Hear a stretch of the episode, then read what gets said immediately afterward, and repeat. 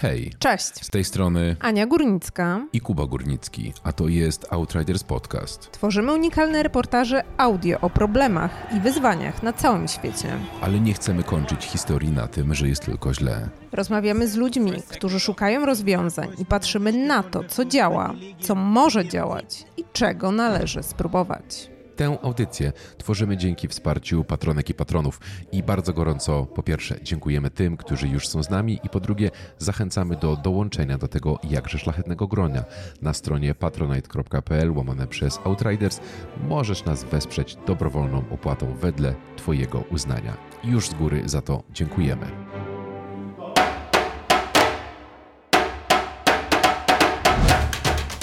Mistrzostwa Świata w piłce nożnej czy Igrzyska Olimpijskie to imprezy, które przyciągają setki tysięcy ludzi do uczestnictwa, a miliardy przed telewizory. Gospodarze i organizacje ubiegające się o takie wydarzenia przeważnie bardzo mocno podkreślają pozytywne skutki. Przy okazji Mistrzostw Świata w Brazylii firma konsultingowa Ernst Young oszacowała, że do kraju na fali tego wydarzenia napływ turystów zwiększył się o blisko 80% i wygenerowało to ponad 3 miliony miejsc pracy, a przez brazylijską gospodarkę przepłynęły fundusze w wysokości 5% lokalnego PKB. Tymczasem takie wyniki nie zawsze się urzeczywistniają, ponieważ dla krajów rozwijających się imprezy masowe to także masowe inwestycje. Euro 2012 organizowane w Polsce i w Ukrainie z punktu widzenia obu krajów były ogromnym obciążeniem dla budżetu. W Polsce koszt budowy i modernizacji stadionów przekroczył 2 miliardy złotych. Ogromne liczby, zarówno pod względem kosztów, jak i korzyści, rodzą pytanie, czy warto organizować mega wydarzenia oraz jakie wyzwania stoją przed organizatorami takiego rodzaju wydarzeń. I o tym porozmawiamy dzisiaj z naszymi gośćmi.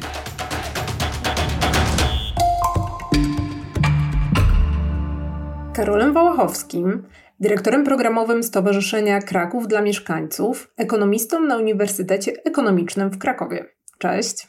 Dzień dobry. I Andrzejem Kruczyńskim, wiceprezesem Fundacji Instytut Bezpieczeństwa Społecznego, byłym wieloletnim szefem bezpieczeństwa na Stadionie Narodowym, a także ekspertem do spraw bezpieczeństwa, terroryzmu i organizacji imprez masowych. Cześć. Cześć, witam. Dzień dobry. No właśnie, to już pierwsze pytanie, które nasuwa nam się na myśl. Dlaczego państwa w ogóle decydują się na organizację imprez masowych? Może do Karola to pierwsze pytanie. Tak, oczywiście powody są różne przy każdej imprezie, ale gdybyśmy mieli generalnie jakoś spróbować generalizować, no to po pierwsze to jest w ogóle promocja państwa na świecie. To znaczy wiele krajów uważa, że sport to jest taka dziedzina, która kreuje dobry wizerunek i właśnie jako my jako organizatorzy danej dużej imprezy sportowej jesteśmy w stanie pokazać właśnie czym się ta nasza lokalność, jak, jakie ma cechy ta nasza lokalność, możemy pokazać te nasze mocne strony. No i impreza sportowa jest bardzo dobrym miejscem, gdzie właśnie zyskujemy te różne skojarzenia. W sumie od długiego czasu bardzo często pojawia się taka fraza jak efekt barceloński, czyli efekt, który część osób właśnie uważała, że Barcelona była jednym z niewielu miast, która jako organizator Igrzysk Olimpijskich rzeczywiście zyskała na organizacji tych imprez bo wtedy właśnie to się przyczyniło do dużej promocji Barcelony na świecie i rzeczywiście liczba turystów przyjeżdżających do tego miasta się zwiększyła. No ale z drugiej strony mamy całą masę różnych przykładów, gdzie właśnie te budżety różnych imprez były bardzo mocno przeszacowane i finalnie te imprezy się bardzo mocno nie opłacały różnym miastom. Też mamy zdecydowanie więcej negatywnych przykładów, gdzie właśnie ten bilans zysków i korzyści, zysków i strat oczywiście był dużo bardziej skierowany w drugą stronę i te imprezy zwyczajnie się nie, nie podobały. Też chyba od pewnego czasu jest tak, że jak popatrzymy sobie głównie na te mniejsze imprezy, też jest element takiej walki politycznej. Czy to właśnie na potrzeby wewnętrzne, czyli jakaś partia rządząca chce pokazać tutaj, że my jako kraj jesteśmy w stanie to zrobić jako taki jakiś identyfikacyjny w zasadzie dla narodu jakaś taka cecha. Tutaj chyba takim przykładem nie, nie, nie, najbardziej pozytywnym, ale chyba takim, który najlepiej pokazuje, o co chodzi w tym argumencie, no to to jest Berlin i 36 rok, gdzie właśnie e, wtedy w Niemczech e, chciano właśnie bardzo mocno budować tą identyfikację narodową i pokazywać właśnie, jakie Niemcy są potężne. I właśnie te Igrzyska Olimpijskie były właśnie wtedy narzędziem tego właśnie, żeby budować tą swoją politykę wewnętrzną. Też oczywiście jest tak, że to też jest element polityki, tak znam ostatnią imprezę w Katarze, która się odbywała, czyli Mistrzostwa Świata, to też był jakby element pokazywania swojego miejsca w regionie, też w ogóle pokaż siłę, który chyba w czasie trwania zimnej wojny też chyba był bardzo taki rzeczywisty, to znaczy to była właśnie taka arena, skoro do wojny nie dochodziło, no to to była taka arena zmagań, który właśnie system społeczno-gospodarczy jakby jest lepszy. Więc tych powodów jest wiele. Na pewno tym dominującym, o którym zwykle chcą mówić organizatorzy, są te korzyści gospodarcze. Tak, może przejdziemy do tego później. One są zwykle znikome i zwykle do tego nie dochodzi. Pełna zgoda, jeżeli mogę coś dopowiedzieć. Także oczywiście, że warto y, robić duże imprezy pod warunkiem, że się uda. A żeby się udało, to musi być sztab ludzi, muszą być osoby kompetentne. Wtedy wynik idzie w świat, wtedy wszyscy widzą, że wow, piękny kraj, piękna kuchnia, piękna kultura, można parę fajnych rzeczy zobaczyć, jest bezpiecznie i na pewno przyjadą. Mało tego, że przyjadą ci, którzy byli, powiedzą swoim y, najbliższym, że warto do Polski przyjechać, bo jest fantastyczny kraj i naprawdę wstydu tutaj nie ma y, żadnego. Także przynajmniej dlatego. My musimy pamiętać, że robiąc Euro 2012, to jest Euro jest trzecią imprezą pod względem wielkości na świecie, także to jest wielkie wyzwanie. Nam się tylko wcześniej tak marzyło tego typu imprezy. Nam się imprezy masowe kiedyś przed Euro kojarzyły z wizytami papieskimi.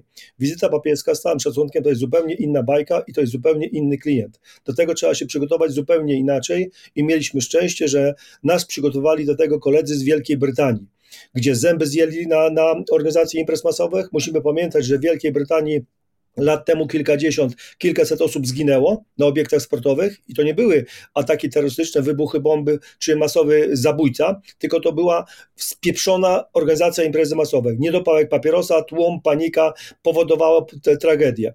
Powiedzieli nam, Polakom, nie popełniajcie naszych błędów, pokazali nam poradnik pisany krwią i to w tej chwili procentuje. Nie jest to automat, jak mówił przedmówca, bo miałem okazję być w Katarze przed Euro na takim programie obserwacyjnym i przygotowywać się, podglądać jak to był inni.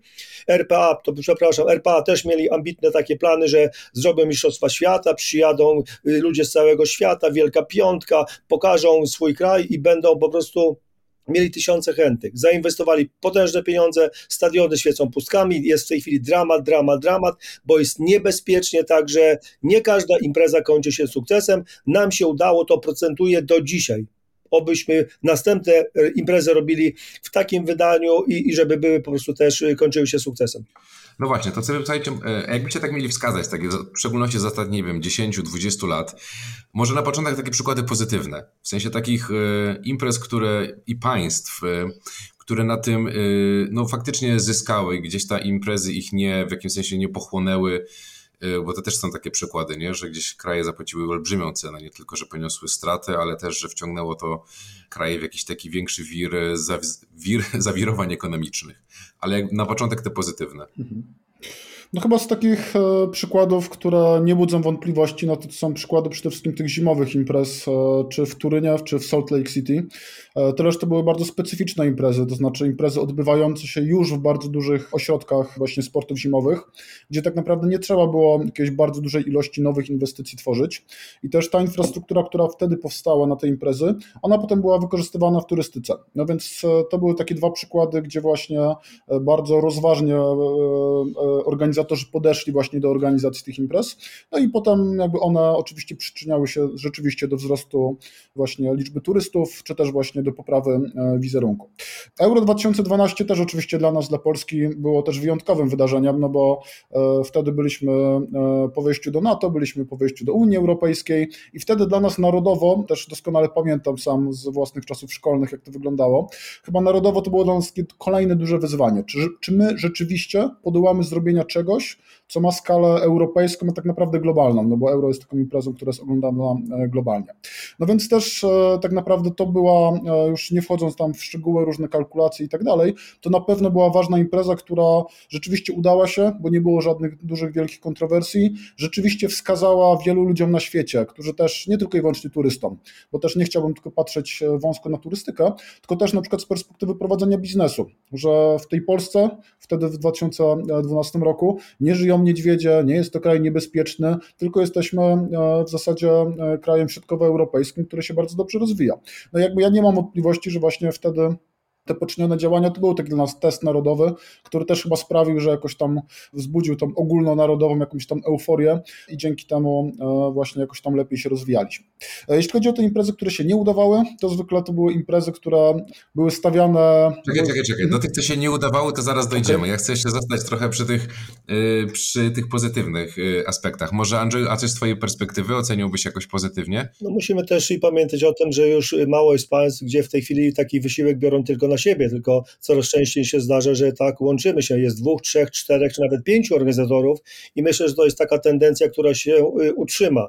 No raczej jeżeli jest wyzwanie dla, dla kraju, który musiał zbudować kilka stadionów, tak jak myśmy musieli zbudować ileś tam hal i wydać po prostu niesamowite y, kosmiczne pieniądze na infrastrukturę, na otoczkę z tym związaną, no to, to budżet się no, wtedy rzeczywiście tak nie spina. A jeżeli położymy, połączymy siły, środki, bo to możemy zrobić bez dwóch zdań. No wszyscy chyba ostatnio widzieliśmy, byliśmy zachłyśnięci tym, co pokazał Katar. No można się było spodziewać, co pokaże Katar, jak to, Katar, jak to będzie wyglądało, że będą po prostu chcieli tak y, no, być w czubie. No są w czubie, tylko to jest tak zwany sport washing. Wiemy, słyszeliśmy, ile osób tam zginęło i nie są to dwie, trzy dziesiątki, setki, tylko mówi się o tysiącach. Stadion Narodowy też pochłonął no, trzy tak istnienia ludzkie, bo, bo podczas budowy doszło do, do, do, do tragedii, ale to, co się działo w Katarze, Niektórzy no, udawali, że, że nie ma problemu, nad tym warto się pochylić i mimo tych kosmicznych pieniędzy, które tam są, no, no tak realnie na pewne kwestie trzeba spojrzeć. No, nie, nie możemy udawać, że wszystko jest pięknie,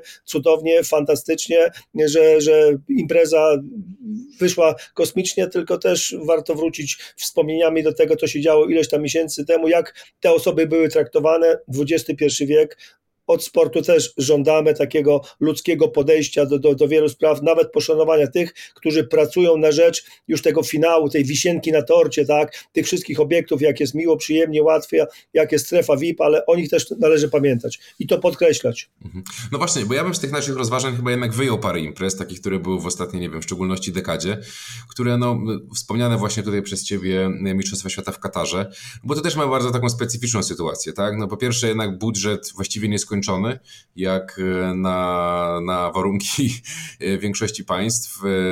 No, ta impreza nie miała taki, czy inaczej, miała sens głównie taki PR-owy, jak tu wspomniany właśnie sportwashingowy, polityczny i tak dalej, e, no ale te stadiony i też biorąc pod uwagę, nie wiem, kubaturę tego kraju nazwijmy, e, no to tam się ani liga nie wytworzy, więc nie wiem, te efekty długofalowe można rozpatrywać tylko właśnie pod kątem takiego rozpoznawalności kraju i tak dalej. Na pewno Rosja to rzeczywiście była bardzo kontrowersyjna i też trzeba pamiętać, że tutaj jakby FIFA do dzisiaj płaci e, słoną cenę, jeśli chodzi o swój wizerunek za przyznanie tych prawa do organizacji tych dwóch imprez, właśnie też chyba to było właściwie przyznawane też prawie niemalże, że jednocześnie i wiadomo, to są jeszcze filmy dokumentalne ukazujące jak tam się zachodziło. No i też oczywiście e, mistrz, i bodajże Igrzyska w Pekinie też e, były dosyć mocno takie kontrowersyjne, no bo wiadomo, to są trzy duże państwa, które e, źle traktują i zarówno swoich obywateli, już nie wspominając o migrantach, bo o Katarze, e, zresztą to nie tylko ten kraj tak naprawdę z Bliskiego Wschodu, gdzie za mówienie o tym, jaki los e, spotyka tam migrantów, to nie chodzi nawet tylko i wyłącznie o konstrukcję stadionów,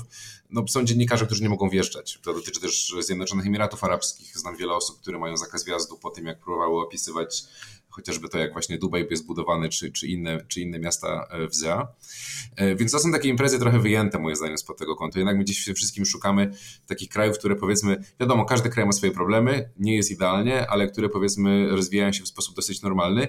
Ja chciałem was podpytać jeszcze o takie dwie imprezy, jak przed nami Euro organizowało Szwajcaria i Austria. Austria, tak, tak. E, Austria, Szwajcaria, a jednocześnie trochę dalej wiem, że to jest dosyć dobrze oceniane byłoby Mistrzostwo Europy nie pod kątem sportowym dla Polaków, ale ogólnie w Korei i Japonii, bo to też dwie imprezy też bardzo zbliżone do modelu polsko-ukraińskiego, który później e, został jakby przejęty.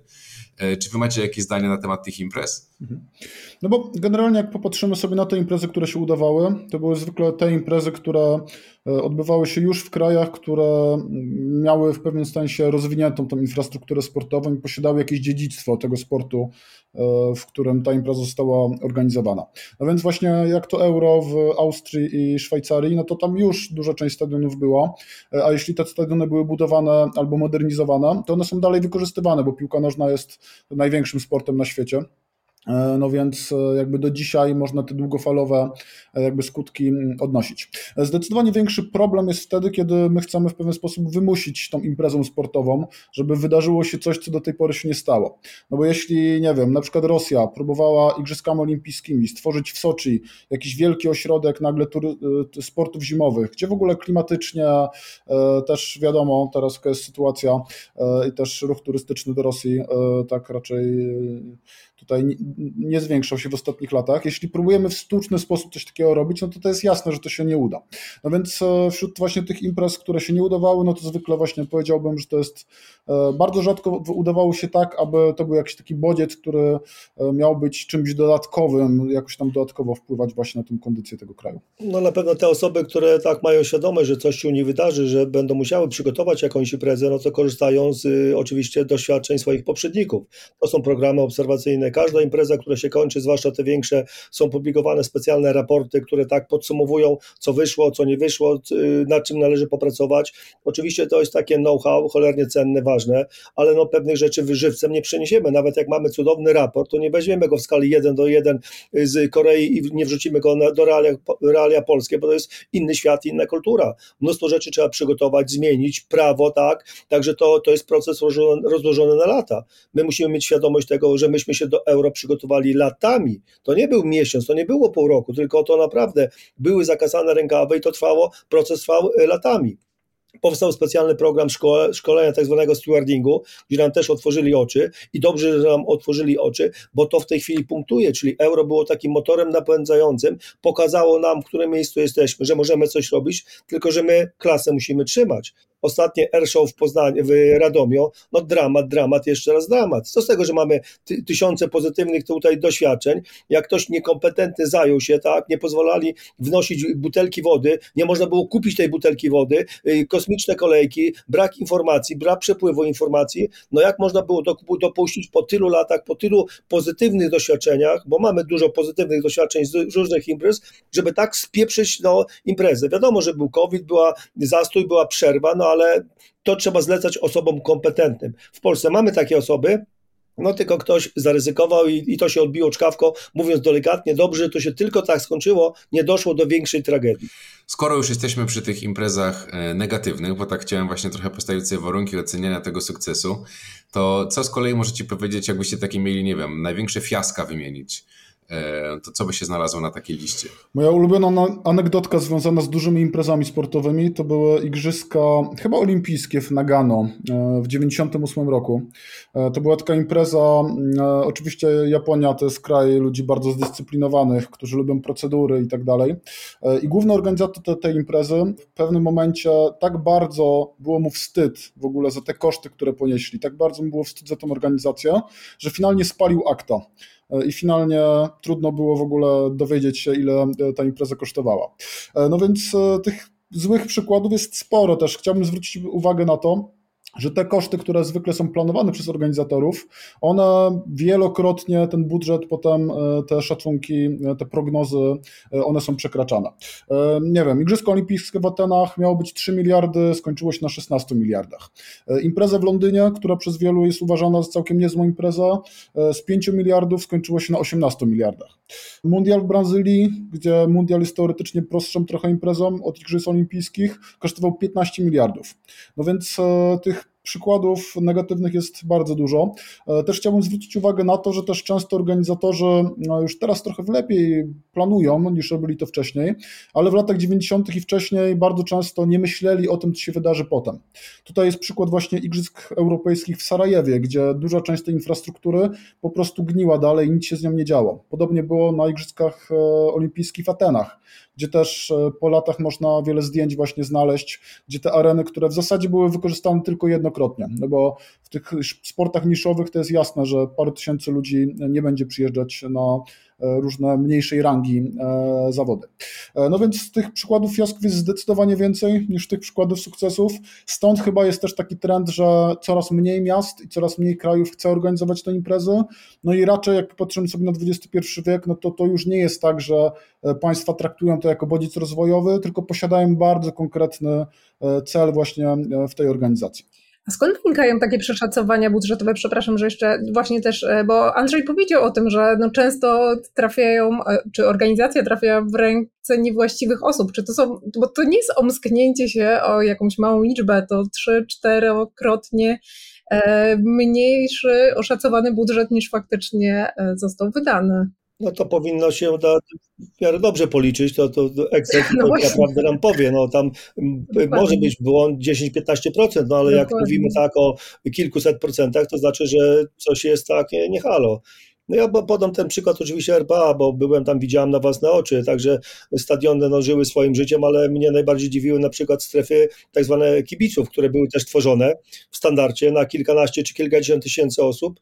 I uwaga, byłem w kilku takich strefach kibiców, na przykład w Johannesburgu czy pod Johannesburgiem, to tam e, strefa przygotowana na kilkanaście tysięcy osób, ilość osób obecnych kilkanaście kilkanaście. Kosmiczne pieniądze, no pytanie, po co to mamy robić? Skoro ktoś wiedział na 90%, że chętnych nie będzie, bo tam trzeba było zapłacić parę dolarów, żeby tam wejść, no to w ogóle po co zawracać głowę, żeby tylko było, bo, bo wcześniej gdzieś na świecie takie strefy były i miały wzięcie. Oczywiście w Europie one by się bardzo sprawdziły, ale wydawanie pieniędzy, wyrzucanie pieniędzy w błoto, bo to, to tak trzeba po prostu tak nazywać rzeczy po imieniu, no trochę, trochę, trochę słabo. Także miałem tam jechać, żeby zobaczyć, podpatrywać najlepszych, a zobaczyłem, jak można spieprzyć największą imprezę na świecie i jakie klasyczne błędy można po prostu popełniać. To był mój bagaż doświadczeń, w większości niestety.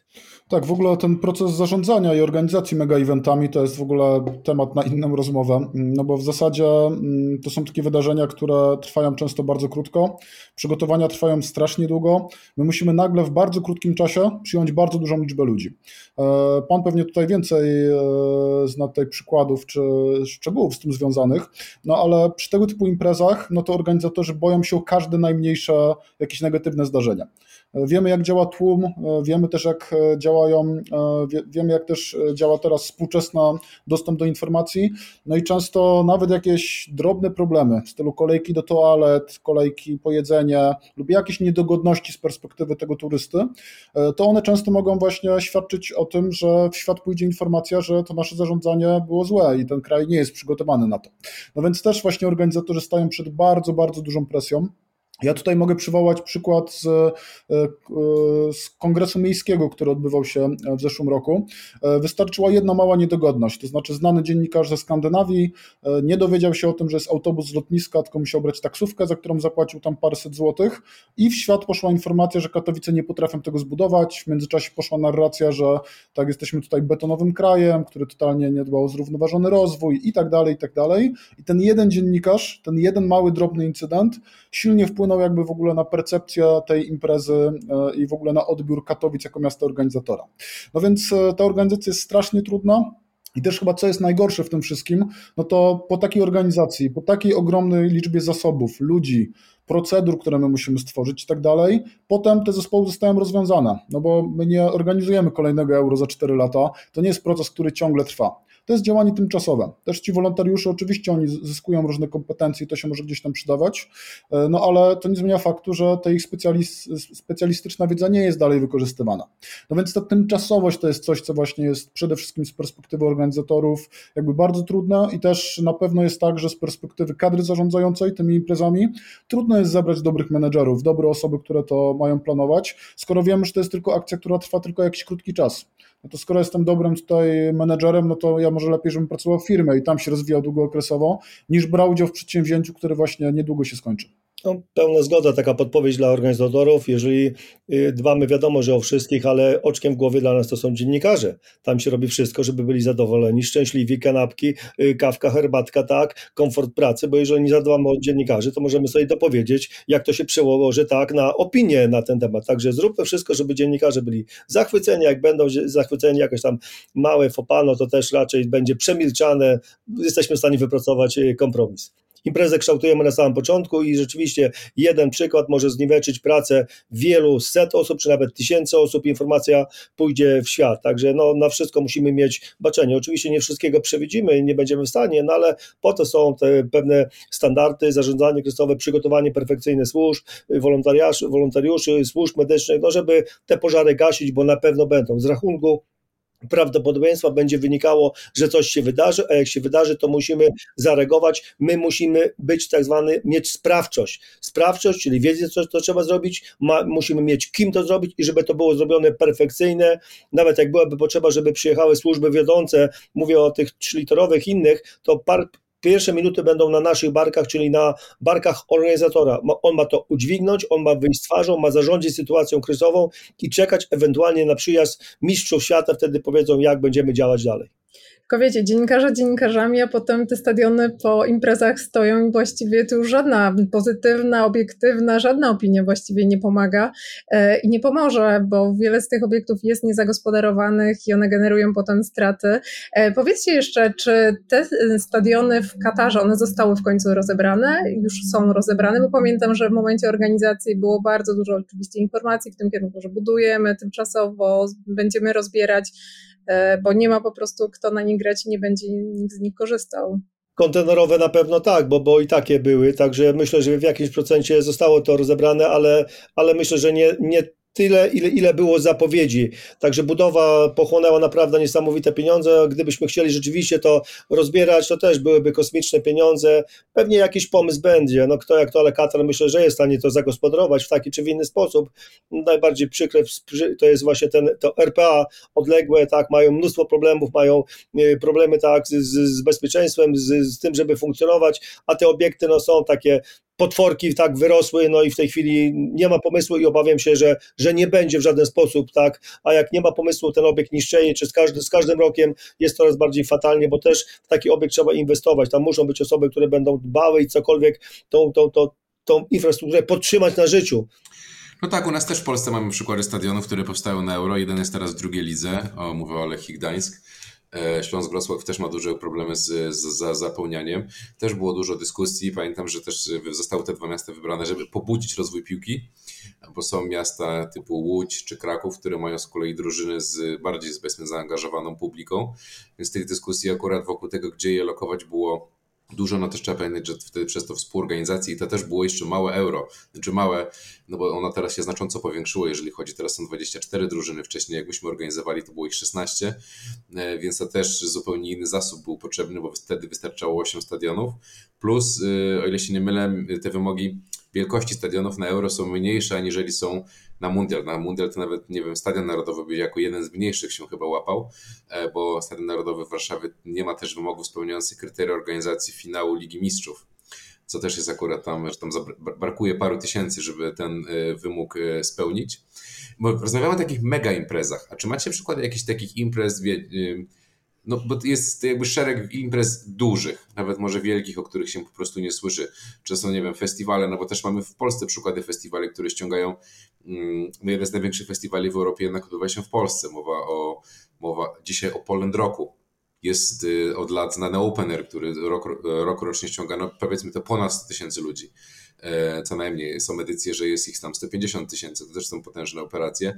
E, no Poland Rock to właściwie przez, na, na te kilka dni to jest takie państwo w państwie, można powiedzieć, e, się tam zamienia ze wszystkimi jakimiś podstawowymi służbami i tak dalej. Tam ta maszyna, która to organizuje, zawsze jestem pełen podziwu, tak naprawdę względem tej logistyki, która jest potrzebna, żeby wytworzyć ją tylko na trzy dni jeszcze przy całym, przy, przy całym charakterze imprezy, ale jakbyśmy to mieli tak trochę sprowadzić na taki poziom na trochę mniejszej organizacji, albo powiedzmy, że czy chcemy zacząć gdzieś organizować te imprezy, no to pewnie organizuje się jakieś różne szczeble imprez, żeby gdzieś sobie tą kompetencję wytworzyć. No oczywiście, co do tych dużych imprez, to jeszcze dorzuciłbym Światowe Dni Młodzieży, które też e, są milionowymi imprezami, które też wymagają jakby bardzo dużych zasobów. I one chyba w Polsce były też zorganizowane tak, że tak powiem, na, na, na rympał, nie? Jak było, jak, jak, jak było ostatnio, z tego co pamiętam, logistykę. Akurat jestem z Krakowa i te Światowe Dni Młodzieży obserwowałem blisko i one akurat były całkiem nieźle zorganizowane. Okay. E, też biorąc pod uwagę skalę ludzi, która dotarła do Krakowa, myślę, że to jest jeden z największych w ogóle sukcesów ostatnich lat e, mojego miasta, czyli właśnie ta organizacja Światowych Dni Młodzieży. Też moglibyśmy porozmawiać, okay. dlaczego tak się stało. Ale też jeśli chodzi o te mniejsze imprezy, no to te mniejsze imprezy jesteśmy w stanie zorganizować dużo mniejszymi kosztami, angażując dużo mniejsze zasoby i też jednak e, uzyskując bardzo podobne korzyści. Ja pamiętam tylko imprezę jak Mistrzostwa Świata w piłce siatkowej e, w 2014 roku. To była taka impreza, którą my organizowaliśmy. Praktycznie nie trzeba było tworzyć e, infrastruktury pod to, bo różne hale e, sportowe, w Polsce siatkówka jest modnym sportem, więc jakby ta infrastruktura już istniała. Trochę pieniędzy poszło na promocję, siatkówka to jest nasz sport narodowy, zmotywował właśnie bardzo wielu rodaków do oglądania tego, tej siatkówki i to była doskonała impreza, która właśnie pokazywała naszą polską gościnność, i w tym świecie siatkarskim mogliśmy wtedy zaistnieć. Też w sumie ważny jest też ten aspekt, ten tożsamościowy. To znaczy, to było narodowe święto i rzeczywiście e, Polacy wiedzieli, że takie święto e, istnieje. E, więc są takie imprezy, które możemy dużo mniejszymi zasobami tutaj generować, tylko właśnie zwracałbym uwagę na to, żeby to były zwykle imprezy takie, które są właśnie związane jakoś z tym narodowym duchem, z tym narodowym hobby. Czyli właśnie tak jak, nie wiem, skoki narciarskie przez długi czas były naszym takim sportem narodowym i rzeczywiście te duże imprezy, one się udawały i rzeczywiście to działało. Tak tak samo bywało, że piłka ręczna była bardzo modna. Chyba w 2016 roku organizowaliśmy Mistrzostwa Europy, które też jakby były całkiem niezłym sukcesem. No ale z drugiej strony mam takie imprezy jak Igrzyska Europejskie, które właśnie niedawno się odbyły w moim mieście, między innymi, czyli w Krakowie, e, które tym sukcesem totalnie nie były według, e, w mojej opinii. No więc to wszystko zależy. E, na pewno jest tak, że czym mniejsza impreza, tym mniejsza stawka i tym mniejsze ryzyko, że po prostu poniesiemy klęskę. Pewna zgoda, miałem okazję być też na Woodstocku, którejś pięknego kilka dni spędzić. Także poczułem atmosferę, atmosferę takiego Woodstockowicza. Do dzisiaj się nie mogę otrząsnąć po tym, co widziałem, co przeżyłem, także niech to zostanie moją słodką tajemnicą, ale ta impreza żyje chyba swoim życiem. To jest tak zwany samograj nie są to moje klimaty, że jak ktoś mówi, że zarządza tą imprezą, z całym szacunkiem dla, dla Jurka trzymam kciuki, ale, ale tam policja się nie zapuszcza, tam dużo osób nawet nie wie, co się z nimi za bardzo działo, bo są tak nieświadomi tego, co się działo, no i ogólnie sukces. Swego czasu przed Euro było taka okrągła rocznica bitwy pod Grunwaldem, wypisz, wymaluj, to jest to, co się wydarzyło teraz w Radomiu, czyli kilkadziesiąt lat temu dramat, co, co, co tam się działo, opinie były fatalne przed euro, ci, którzy przyjechali, a ludzie przyjechali z różnych zakątków świata, żeby nie mówić tylko negatywnie, kilka lat temu byłem świadkiem, nawet kontrolowałem taką imprezę jak w Szczecinie zakończenie regat Top Ship Races, cudowna impreza, zlot żagrow, żaglowców, jeszcze to było przed COVID-em, impreza kilkudniowa, która skupiała kilkaset tysięcy osób, perfekcyjnie przeprowadzona. Dostali piątkę z plusem organizatorzy, zadbali o wszystko wydzielone strefy, dodatkowy monitoring, nagłośnienie, podział na sektory, woda zabezpieczona, uwaga, punkty przesiewowe.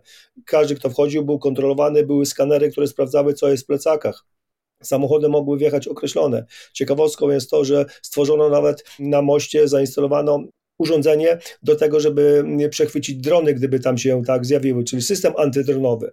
Także no wow, wow, wow. Czyli jeżeli jeżeli chcemy, są ludzie kompetentni, jest kilka miesięcy przygotowań, trochę to pieniędzy oczywiście pochłonęło, jesteśmy w stanie to zrobić. To było dosłownie kilkanaście tygodni Później, co się wydarzyło w Niemczech, jak rozpędzony samochód wjechał w tłum po prostu ludzi. Także wyciągamy wnioski, uczymy się, postrzegamy tak, co się dzieje, świata takiego u innych, nawet jak ktoś nam nie każe czegoś zrobić, ale jest tak zwana dobra praktyka i postrzeganie świata. My możemy zrobić coś ekstra pod kątem bezpieczeństwa, coś więcej, coś ponad standard, nie tylko kurczowo trzymać się wytycznych, instrukcji, bo to jest wyrocznie, jak zrobimy więcej, włosy nam z głowy nie będą wyrywać. Jeżeli jest budżet na to oczywiście. Dokładnie. E, jeszcze wspomnieliście dwukrotnie właściwie o COVID-zie, który no, trochę zmienił pewnie podejście do imprez masowych. Powiedzcie, czy do teraz mm, odczuwamy jeszcze w organizacji imprez e, masowych jakieś skutki pozytywne, negatywne COVID-a? Mam tu na myśli też po prostu organizację, czy to podejście do organizacji COVID zmienił, czy on coś zmienił?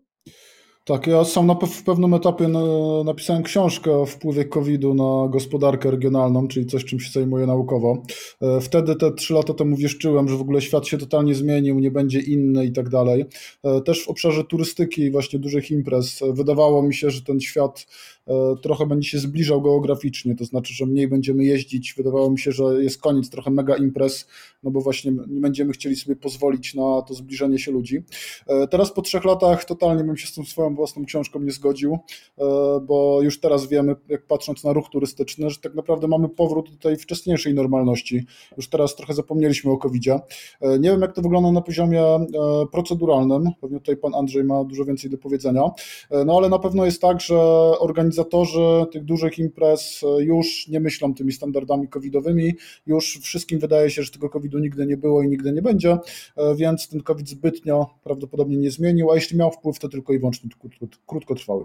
No, bardzo nam namieszał, no może nie krótkotrwało, bo to trwało ładne kilkanaście, tak, prawie dwa lata, ten, ten COVID, możemy powiedzieć, że taki czarny łabędź. Nikt się nie spodziewał, coś raptem stało się i wszyscy odnaleźliśmy się w nowych tak realiach, w nowej rzeczywistości. Trzeba się było odnaleźć i to nie trwało tygodnie, tylko to trwało ładnych naście miesięcy. Co się okazało z wojną w Ukrainie? Że wojna w Ukrainie zabiła tak COVID. Pytanie, co zabije wojnę na Ukrainie, bo ta wojna na Ukrainie też w jakimś procencie też przekłada się na pewne imprezy, zwłaszcza na tej ścianie wschodniej. Już trzeba troszeczkę tak w innych realiach tak funkcjonować.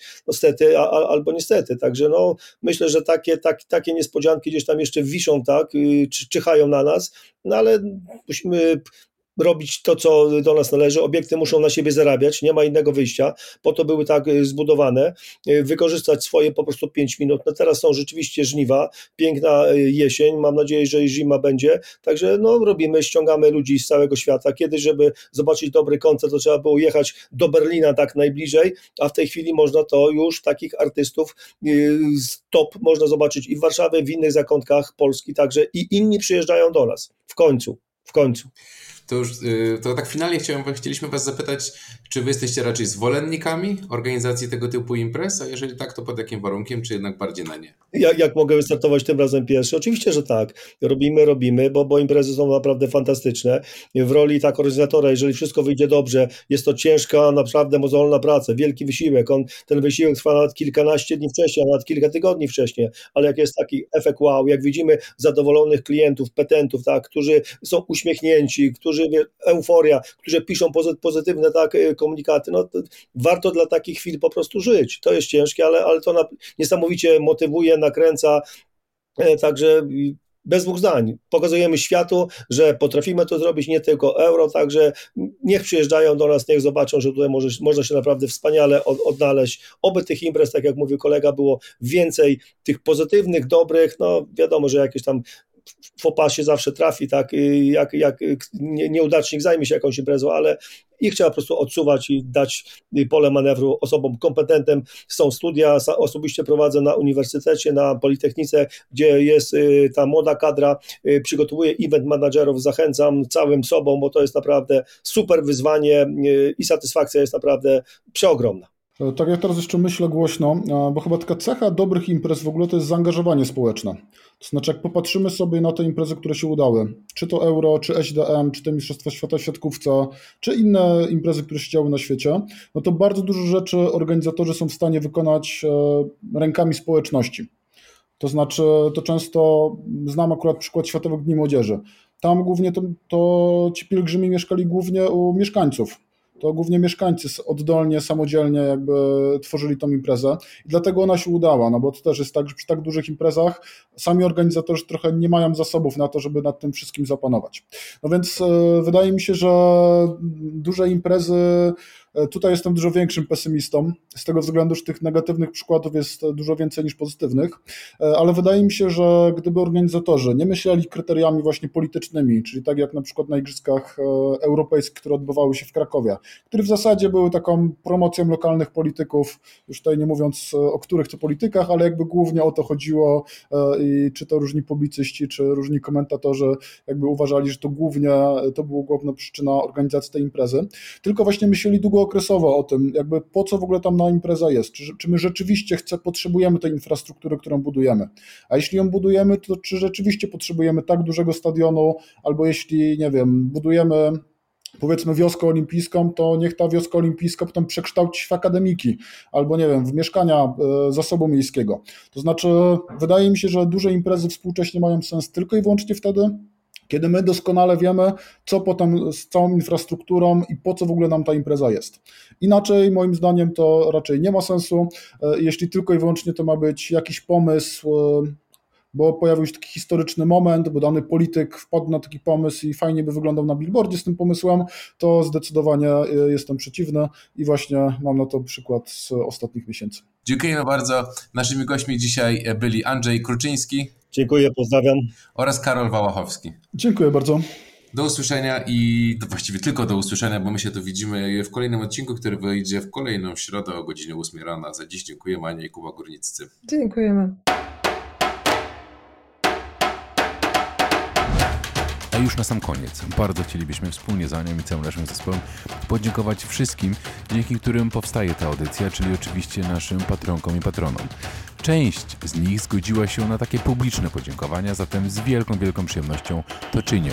Dziękuję Przemkowi Szołajowi, Adrianie Piercionek-Podogrodzkiej, Mirosławowi Gałczyńskiemu, Władysławowi Sajowi, Rafałowi Syberyjskiemu, Marcie Szadowiak, Katarzynie Peters, Joannie Marks, Danielowi Jadczekowi, Urszuli Zinserling, Annie Araucz, Damianowi Kasjanowi, Bartkowi Fischerowi, Dominice Szuchowskiej, Milenie Filipowicz, Jakubowi Wiąckowi, Pawłowi Piaseckiemu i Ziemowi Gardynikowi. Bardzo Wam dziękujemy, dziękujemy wszystkim obecnie naszym patronkom i patronom. Zachęcamy wszystkich do wspierania nas dobrowolnymi wpłatami w serwisie Patronite. Tam sami zdecydujecie o kwocie wsparcia, a my polecamy się. Dziękujemy również za wszystkie oceny na Spotify, Apple'u czy gdziekolwiek nas słuchacie i do usłyszenia już za tydzień.